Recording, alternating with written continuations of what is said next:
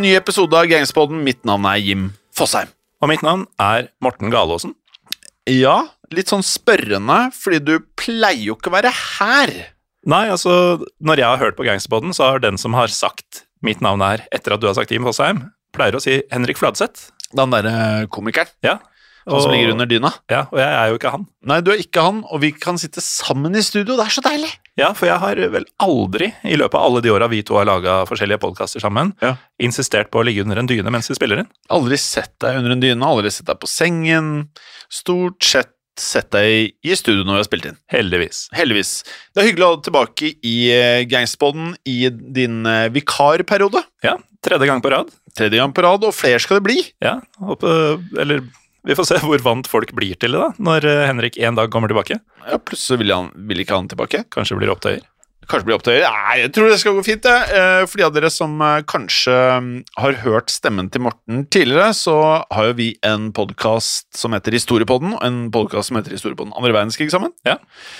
Sjekk ut de. De er på Spotify og iTunes, og vi har også episoder der om mafia og gangstere i vanlig Historiepodden. Det har vi. Spesielt tidlig i historiepodden så var det jo både Eller det var Al Capone og ting rundt han. Mye Chicago. Mm. Som andre ord, sjekk ut Historiepodden for å kanskje få noen episoder mens du venter på neste episode av Gangsterpodden. Ja, og historiepodden andre verdenskrig, selv om du ikke får noen gangstere der. Eller du får jo en slags gangstere, men Du får mye gangstere, men ikke i klassisk mafiaforstand. nettopp. Um, I dag skal det, som det ofte gjør, handle om den italienske mafiaen, som grovt sett kan deles inn i tre konkurrerende organisasjoner, der alle har selvfølgelig da lange tradisjoner, som vi har en episode av eh, tidligere i Gangsterboden.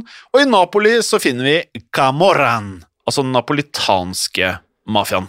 Og den eh, tredje organisasjonen finner vi i Calabria i Sør-Italia. Og fastlands-Italia er, som mange sikkert har sett på kart, forma som en støvel. Og nederst på støveltuppen så ligger da regionen eh, Calabria. Og her holder den kalabresiske mafiaen til, bedre kjent under navnet Ndrangheta. Ja, og dette ordet Ndrangheta stammer fra det greske adrarasia, som uh, betyr heltemot og mannlig dyd. Og vi etablerte jo i forrige episode, Jim, at uh, du kan faktisk gresk. Ja. Så den uh, Andragathia-varianten, den er ganske korrekt. Ja, og det er nok en gang skrevet med greske bokstaver, så jeg mm. leser faktisk gresk her. Yes. Eh, navnet kan også stamme fra det lignende andrarathos, som betyr en modig mann, også skrevet på gresk her. Mm.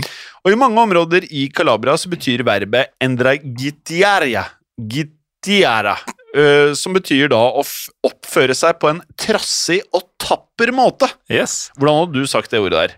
Uh, endra, endrangitiari. Endragitiari. Ja. Jeg tror ikke noen av oss har rett Nei, det tror jeg ikke. Uansett, mens både den sicilianske og napolitanske mafiaen har blitt kjent i populærkulturen gjennom filmer og serier og bøker, så er Ndrangheta mer ukjent for folk flest. Eh, Dette skyldes jo delvis at den kalabresiske mafiaen er eh, veldig lukka og lyssky, og holder seg unna rampelyset. Ndrangetas mafiabosser holder en lav profil og bor gjerne i hus og leiligheter som ikke skiller seg noe særlig ut fra andre dyre boliger. Mm. Og i eh, Napoli derimot så liker mafiaen å vise seg frem, de liker å vise rikdommen sin, de har fine biler, store middager, og som man sier i Scarface, flash, champagne, Eh, de har flotte eiendommer, alt det man ser for seg at disse gangsterne skal ha. I tillegg så er Camorraen eh, kjennetegnet av sentralisert makt, og vi hørte jo i forrige episode med denne greske mafiaen, var stort sett selger som opererte litt på egen hånd, Mm. eh, men i Camorraen så er det én boss som styrer hele organisasjonen sammen med underbossene. I eh, Napolis mafia er familiebånd med årene blitt eh, mindre viktig, og mafiaen fungerer mer som et eh, kriminelt eh, syndikat eller et selskap. Men i Ndrangheta er derimot de gamle tradisjonene blitt eh, holdt i hevd, som man sier, og sterke familiebånd beskytter mafiaen fra å bli infiltrert av politiet. Ndrangheta er et eh, svært nettverk med rundt 150 familieklaner, og klanene er mer selvstendige enn i andre mafiaer, og veksler på å samarbeide med og krige med hverandre. Mm. Sånn sett så er en drageta ofte voldelig og ustabil, men samtidig så er den så uoversiktlig at det er vanskelig å bryte den ned. Ja, Og sønner av Ndrangheta-medlemmer forventes å følge i sine fedres eh, fotspor, så dette her er eh, litt old school. Mm, Ja. det går i arv. Ja, det går i arv, og de må gå gjennom en pleieprosess i ungdommen for å bli Giovanni Donori, eh, som da er gutter av ære. Mm. Eh, om de unge guttene da presterer å vise lojalitet, så går de inn i rekkene som uomi donore, som da er menn av ære. Så de går fra gutter av ære til menn av ære, og da fullverdige medlemmer. Ja, og det er relativt få kalabriske mafia som har valgt å bli eh, pentito, altså politiinformant. Ved utgangen av 2002 så var det kun 157 kalabriske vitner i det statlige vitnebeskyttelsesprogrammet i Italia. Og i motsetning til den sicilianske mafiaen på begynnelsen av 1900-tallet, så har Ndrangheta unngått direkte konfrontasjon med den italienske staten. Stemmer det, og påtalemyndigheten i Calabria hindres dessuten av det faktum at eh, italienske dommere og aktorer, som da scorer høyt på eksamen, får da velge hvor de vil jobbe. Og de som da blir satt til å jobbe i Calabria, ber vanligvis om å bli overført til et annet sted umiddelbart. Og det kan man jo forstå nærmest, da. Ja. Og ettersom det lokale styret er svakt og med mye korrupte tjenestemenn overalt, så er det få sivile som tør å kritisere Endrageta åpent. Ja, altså Calabria har alltid vært en av de fattigste regionene i Italia, med mye jordbruk og lite industri, og det er en region som er dominert av fjell og vanskelig terreng. Og moderniseringa av Calabria har også blitt hindra fordi det er hyppige jordskjelv, men det må sies at eh, Ndrangheta har vel vært eh, et vel så stort problem som disse jordskjelva. Eh, Mafiaens grep om politikere og kommunestyrer har ført til, som du sier, omfattende korrupsjon, og denne korrupsjonen den gjennomsyrer samfunnet og tømmer de lokale myndighetene for penger. Ja, Et meget godt eksempel er en motorvei, nærmere bestemt motorveien A3. Eh, bedre kjent under kallernavnet Motorveien som aldri blir ferdig. Så hvis du planlegger hvis du sitter nå og hører på, du planlegger å kjøre til Calabria eller til Sicilia nå til eh, sommeren, er jo ikke så langt unna det, så vil du da kjøre på hovedpulsåren gjennom Sør-Italia, også kalt Mezzogiorno. Og her er du da omgitt av flotte, grønne fjell, det er nasjonalparker, sjarmerende byer, må vi kunne si, men plutselig så stopper motorveien. Eh, selv etter å ha vært under konstruksjon i et halvt århundre, så er veien fremdeles ikke ferdig. Og årsaken til det er naturligvis korrupsjon. For eh, til tross for at massevis av EU-penger har strømma inn i Sør-Italia fra Brussel, så har utviklinga stått nesten stille. Disse EU-midlene har eh, forsvunnet i shady byggefirmaer og falske selskaper, og i det siste tiåret så har 10 milliarder euro blitt brukt på bygginga av A3, altså nesten 100 milliarder norske kroner. 100 milliarder norske kroner. Kunne like gjerne sagt en fantasillion, liksom. Det Ja, det er er så så- syke penger. Ja, det er så høye summer, det. Eh, og en god del av pengene har jo da havnet nettopp i hendene på Ndrangheta. Ndrangheta, som da kontrollerer både politikk, de kontrollerer byggebransjen i Calabria, og likevel så står korrupsjonen angivelig for kun 10% av Ndrangetas inntekter, så det sier jo litt da om hvor eh, stort og mektig eh, denne mafiaen har vokst seg til å bli. Ja, I eh, 2014 så kom en forskningsrapport som anslo at Nrangheta tjente rundt 53 milliarder euro i 2013. Altså rundt regna 500 milliarder norske kroner. Det utgjorde 3,5% av hele Italias bruttonasjonalprodukt. Ah! Eller for å ta en annen sammenligning Ndrangheta tjente mer på ett år, altså vi snakker om en, et lite hjørne i Italia her. Ja, ja. På ett år tjente de da mer enn McDonald's og Deutsche Bank til sammen. Altså, det er helt vilt. Insane. Og, og, det, og det, husk, dette her er sikkert Det er mye mørketall her, altså. Ja, ja. Um, videre så er det sånn at Ndrangheta har uh, Altså, ikke bare har de alltid vært store, men, men de er gjennom en eksplosiv vekst de siste tiårene og har vist seg å være mer motstandsdyktig enn mange av de andre mafiaene i Italia. Og i dag så er Endrageta mer fryktet og også gåtefull enn det faktisk La Cosa Nostra er. Mm. Slik at den kalabresiske mafiaen består av ca. 150 grupper med anslagsvis 6000 medlemmer, knyttet sammen gjennom blodsbånd og giftermål.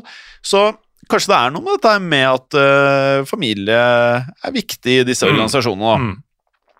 Og I tillegg så kommer det da rundt 60 000 ansatte i minst 30 land. Må jo si at eh, det er vel ansatte i anførselstegn her. Ja, I anførselstegn, helt riktig det. Og Endrageta er den eneste av de italienske mafiaene som har et fotfeste på alle verdens kontinenter. Men hvordan klarte Ndrangheta å innta denne mektige posisjonen, lurer lytterne kanskje på nå, og det skal vi se nærmere på etter en kort eh, pause.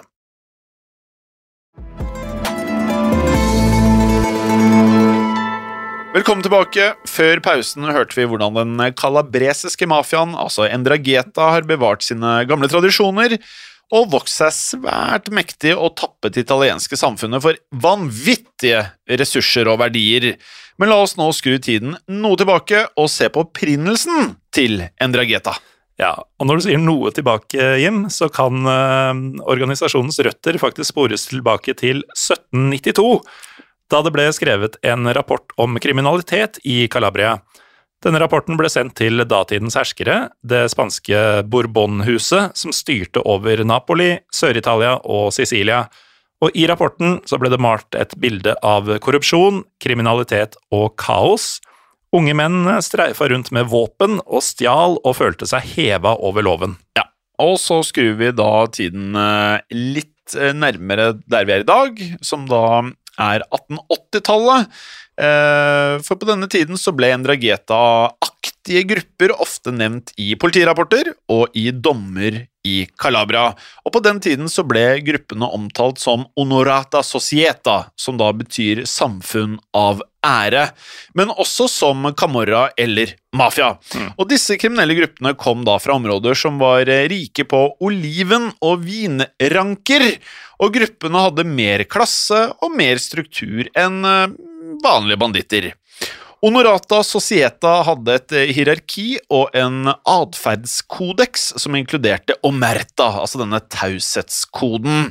I 1897 fantes det f.eks. en skriftlig æreskode i landsbyen Seminara, som da var basert på lite overraskende ære, hemmelighold, vold og solidaritet. Fram til ca. 1975 så var Ndrangheta stort sett en lokal organisasjon basert i Calabria. Og på denne tida så oppsto det en stor gjengkrig som endte med blodbad.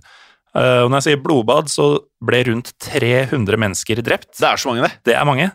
Og den kalabresiske mafiaen begynte da å spesialisere seg på å kidnappe rike mennesker i Nord-Italia, og krevde skyhøye løsepenger.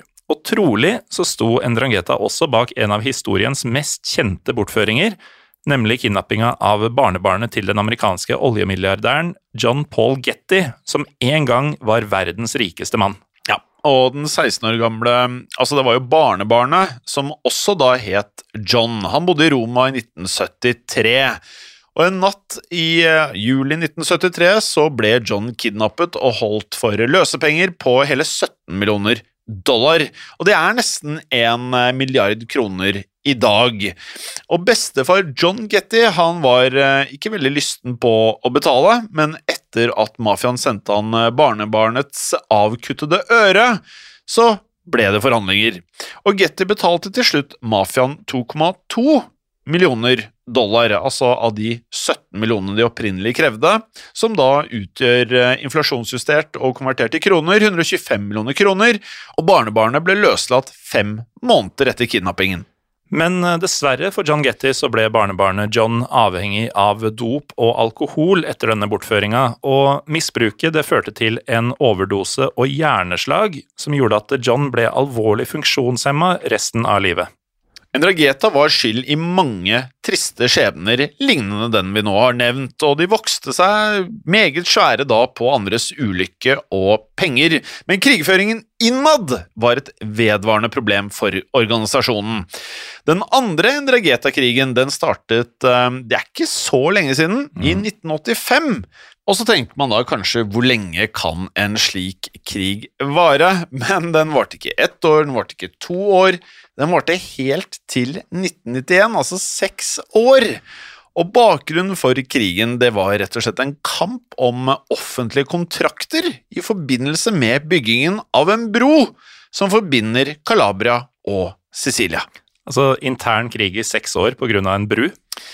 Det er tydeligvis uh, viktig, da, og mye penger involvert. Ja, Men krigen var også et forsøk fra De Stefano-klanen til å trenge inn på territoriet til Imerti-klanen fra byen Villa San Giovanni. Og alle de andre klanene tok parti med hver sin part i konflikten, som ble utløst av et mislykka attentatforsøk på bossen i Imerti-klanen, Antonio Imerti. Og Imertiene de svarte med å drepe bossen i De Stefano-klanen, som het Paolo De Stefano. Og dermed så ble det veldig dårlig stemning. Mm -hmm. Den nye Stefano-bossen het Domenico Libri, og han eh, ble da et nytt mål for imertiene. Og en septemberdag i 1988, da Domenico Libris sønn gikk en tur i luftegården i fengselet der han satt, så ble han skutt og drept av en, eh, en sniper, altså en snikskytter fra Imerti-klanen. Ja, og seks måneder senere så var det en annen snikskytter som eh, bommet på bossen Libris selv, eh, og det var eh, på et tidspunkt hvor han var omgitt av politifolk på vei ut av et tinghus. Det er ganske galskap, altså. Ja. Ligger med rifla klar når han er omringa av politi utafor tinghuset. Altså, det er bare det signalet du sender også. Du, jeg tipper det er ting som skremmer selv disse hardbarka gutta. Koste hva det koste vil, er ganske tydelig der. Nettopp. Og Libri skulle da nemlig eh, i denne situasjonen møte en rettssak da mot Endrageta. Mm. Og den andre Endrageta-krigen ble enda blodigere enn den første. Da den, eh, som du sa, seks år lange konflikten mellom de to rivaliserende klanene tok slutt, så lå det igjen 600 lik på slagmarken. Det er så mye, det. Det er mye. Og den eh, blodige krigføringa fikk eh, Ndrangheta til å forstå at de måtte endre praksis, noe de også gjorde. Det ble oppretta et felles råd som skulle samle Ndrangheta-klanene for å løse konflikter uten bruk av vold, og dette nye rådet det het La Provincia. Ja. Eh, og det er ganske fascinerende når man går gjennom disse tingene her. Altså, de, de resonnerer som det er en vanlig bedrift. De Mm. tenker ok, hva er bra for business? Og så eh, de flinkeste bedriftene, altså de flinkeste mafiagrupperingene, gjør de smarteste tingene og er de som også vokser. Ja, men tenk at de kunne finne den løsninga etter å ha drept 600 av hverandre. Ja, det er helt vilt. Um, men i hvert fall så var det sånn at Ndrangheta de bestemte seg for å tone ned kidnapping, de tonet ned drap, og på 1990-tallet så fokuserte ehm, den kalabresiske mafiaen derfor på pengeutlån, utpressing, hvitvasking av penger og selvfølgelig narkohandel. Endrageta de etablerte tette bånd til eh, narkokartellene i Colombia og Mexico, men også til den russiske mafiaen i Stoltsjevskaja Bratva. Altså, dette er ikke en vennegjeng jeg ville vært en del av. Nei, nei, nei, Nei. nei. Det er skummelt. Mm. Det er ikke, vi, er, vi er softe mennesker. Ja, men du, eh, du ramser opp alle de verste gruppene av mennesker i hele verden, og de har et bånd seg imellom. ja, I hvert fall mange av de farligste. Mm. Eh, det eksisterer jo diktatorer, eksempel, som Jo, ja. kanskje er enda verre, men i hvert fall mye av de farligste menneskene på jord er jo i denne gjengen her. Men Drageta sto også for massiv kokainhandel, som da fant veien til USA, og fikk på 2000-tallet kontroll over 80% av all kokainhandel i hele Europa! Herregud. Altså, dette er vanvittige tall. Ja, Og for de av dere som aldri har hørt om Endrageta før, det er bare Altså, dette her eh, Det ligger for øvrig en Netflix-dokumentar om Endrageta ute nå også. Mm. Veldig spennende. Ja, den, den må jeg se Mm. med en gang jeg kommer hjem, egentlig. Mm. Men uh, la oss stoppe opp uh, litt eh, å se på de indre mekanismene i Ndrangheta. For eh, man, man veit jo ikke alt, selvfølgelig, men en del har blitt kjent. De mektigste klanene i Ndrangheta de holder til i den lille byen San Luca i Calabria. og Jeg googla det stedet, Jim. Det bor 3700 mennesker der, sånn cirka. Det er ikke mange steder å gjemme seg hvis du tråkker på feil tær der. Jeg tipper eh, mange der nok er involvert. Mm. Og man bor jo ikke der. Man vet jo hva som foregår, eller det er litt sånn eh, Ja, det er ganske, ganske offentlig, dette her. Og sammen med landsbyene Plati og Afriko, så er San Luca et av de tre hjørnene i det såkalte kokaintriangelet. ja. Så her er nesten alle de mannlige innbyggerne med i Ndrangheta, og byene er i mafiaens makt. Ja, og siden 1950-tallet så har lederne for eh, de lokale klanene i eh, Ndrangheta møttes i et kloster alle steder i San Luca under den såkalte septemberfesten, som er da en religiøs markering. Og disse årlige møtene er kjent som criminé, altså forbrytelsen. Prøver liksom ikke å skjule det. Nei, altså det høres jo ut som eh, en episode av James Bond der, mm. altså krimsyndikatene der. Ja. Og Criminé var tradisjonelt sett et eh, forum for å diskutere ja, fremtidig strategi. Det høres ut som et styremøte i en bedrift. Ja. ja de skulle avgjøre tvister, eh, og gjerne ting som måtte skje i lokalområdet med lokalbefolkningen. Ja, og Krimine har kun en rådgivende rolle i Ndrangheta. Eh, Selv om det finnes en Krimine-boss, så har denne bossen begrensa makt eh, hvis du sammenligner med klanslederne. Og i motsetning til Boss of Bosses, som du har i Cosa Nostra, så har ikke Krimine-bossen autoritet til å blande seg inn i familiefeider eller stanse voldsbruk. Nei, og på kriminemøtene så må hver klansleder komme med en redegjørelse for alle aktivitetene det siste året, og si hva som da skjedde på nettopp hans territorium. Eh, alt fra kidnappinger, drap og alt annet man eh, foretar seg, da. Og hver klan må dessuten betale inn en liten prosentandel av eh, sine inntekter til ledelsen i San Luca, som en slags anerkjennelse av San Luca-klanens mektige stilling innen Endrageta-mafiaen. Og selv om krimine og andre aktiviteter foregår i skjul, så har frykten for politispaning ført til ekstra sikkerhetstiltak. Så det er blitt oppretta et hemmelig samfunn inni det hemmelige samfunnet, nemlig La Santa, som da betyr det hellige. Og om man er medlem i La Santa, så er det kun kjent for andre medlemmer av La Santa. La Santa gjorde det mulig for bosser å etablere nære forbindelser med politikere, noe som egentlig brøyt med regelen om å holde alt i familien. Ja, Men allikevel vel- veldig nyttig og forståelig selvfølgelig at de Mm, ønsker det. mm. Eh, og Endragetas eh, strenge sikkerhet, familiebånd, hemmelighold har nettopp sørget for eh, organisasjonens braksuksess. Mm. Eh, og Endrageta er for tiden ikke bare Europas største kokainhandler, men også en storspiller i faktisk legitimt næringsliv. Legitimate businessman. Ja, dette her eh, som eh, i Gudfaren 1 og 2, så ønsket de å få eh, businessen til å bli legit mm. innen eh, Var det 15 år, eller hva det var? Ja. Men uansett, eh, i Tyskland så driver Endrageta hundrevis av hoteller, de driver barer, eh, og Endrageta bruker de store havnebyene, nettopp Rotterdam og også Antwerpen, for å da smugle inn søramerikansk produsert kokain. Så dette, er, det, dette er svært, altså. Det er enormt. Um, likevel så har Endrangetas ledelse, hvorav noen har vært i skjul i mange år, eh, møtt på store tilbakeslag. I juni 2017 så raida offiserer fra det italienske Carabinieri-politiet et hjem i en liten landsby i Calabria, og der fant de narkobaronen Giuseppe Ucapra Giorgi. Og Giorgi han hadde gjemt seg helt stille i flere timer bak peisen sin, inntil betjentene hørte han bevege seg, og da hadde politiet lett etter den 56 år gamle Giorgi i 23 år, etter at en dommer hadde dømt han til 28 års fengsel for narkotikasmugling i 1994. Vet, I Narcos så er det en scene der eh, som er helt fantastisk, hvor eh, disse mm, narkobaronene Han ene gjemmer seg i en vegg. eh, og så er det jo selvfølgelig masse korrupsjon, så eh, de som da er på på eh, leting etter han, de begynner å bore gjennom veggen. Ah, Og så er han i veggen med en oksygenmaske for å puste. Og så kommer da en eller annen jeg tror er militær eller noe korrupt politi og kommer inn og sier at de ikke har tillatelse til å drille disse veggene. Og da er jo den der saken sikkert litt eh, dramatisert, da, i nærheten av hodet til han eh, mafiafyren. Men det minner jo litt om der, da. Han han Georgie, han lå i peisen, eller bak peisen. Uh, uansett, i 2018 så pågrep statspolitiet i Calabria en annen meget beryktet Endrageta-boss, Giuseppe Pelle, som da var etterlyst for mafiavirksomhet og utpressing helt siden 2016.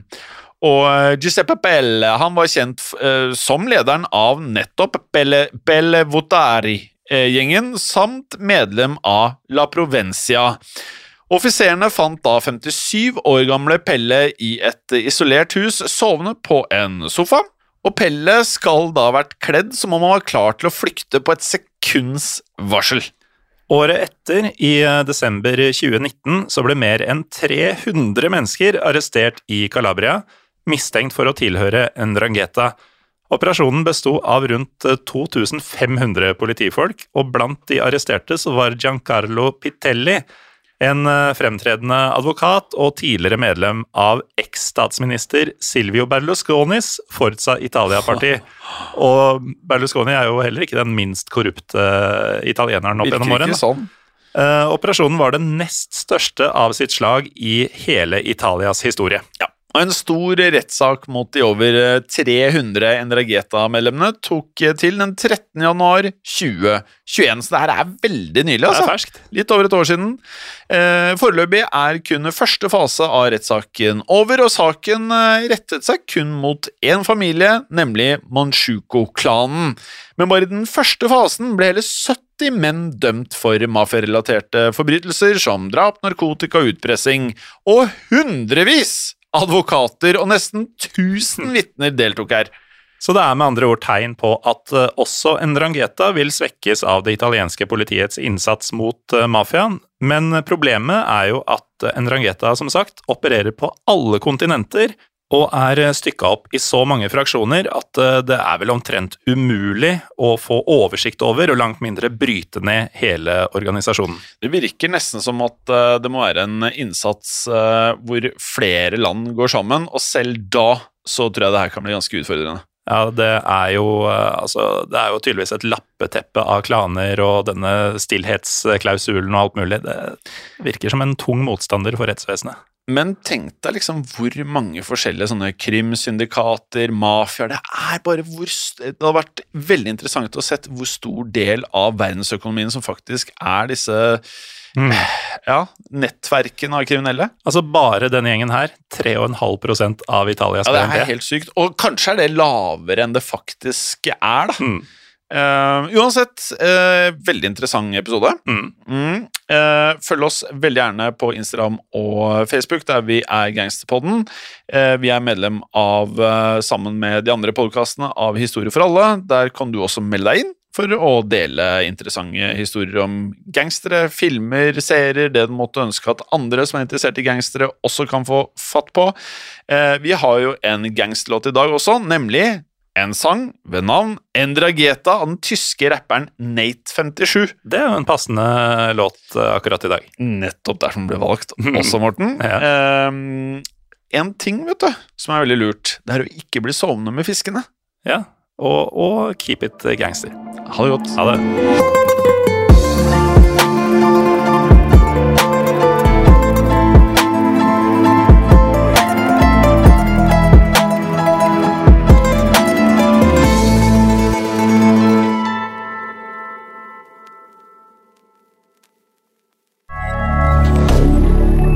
Media.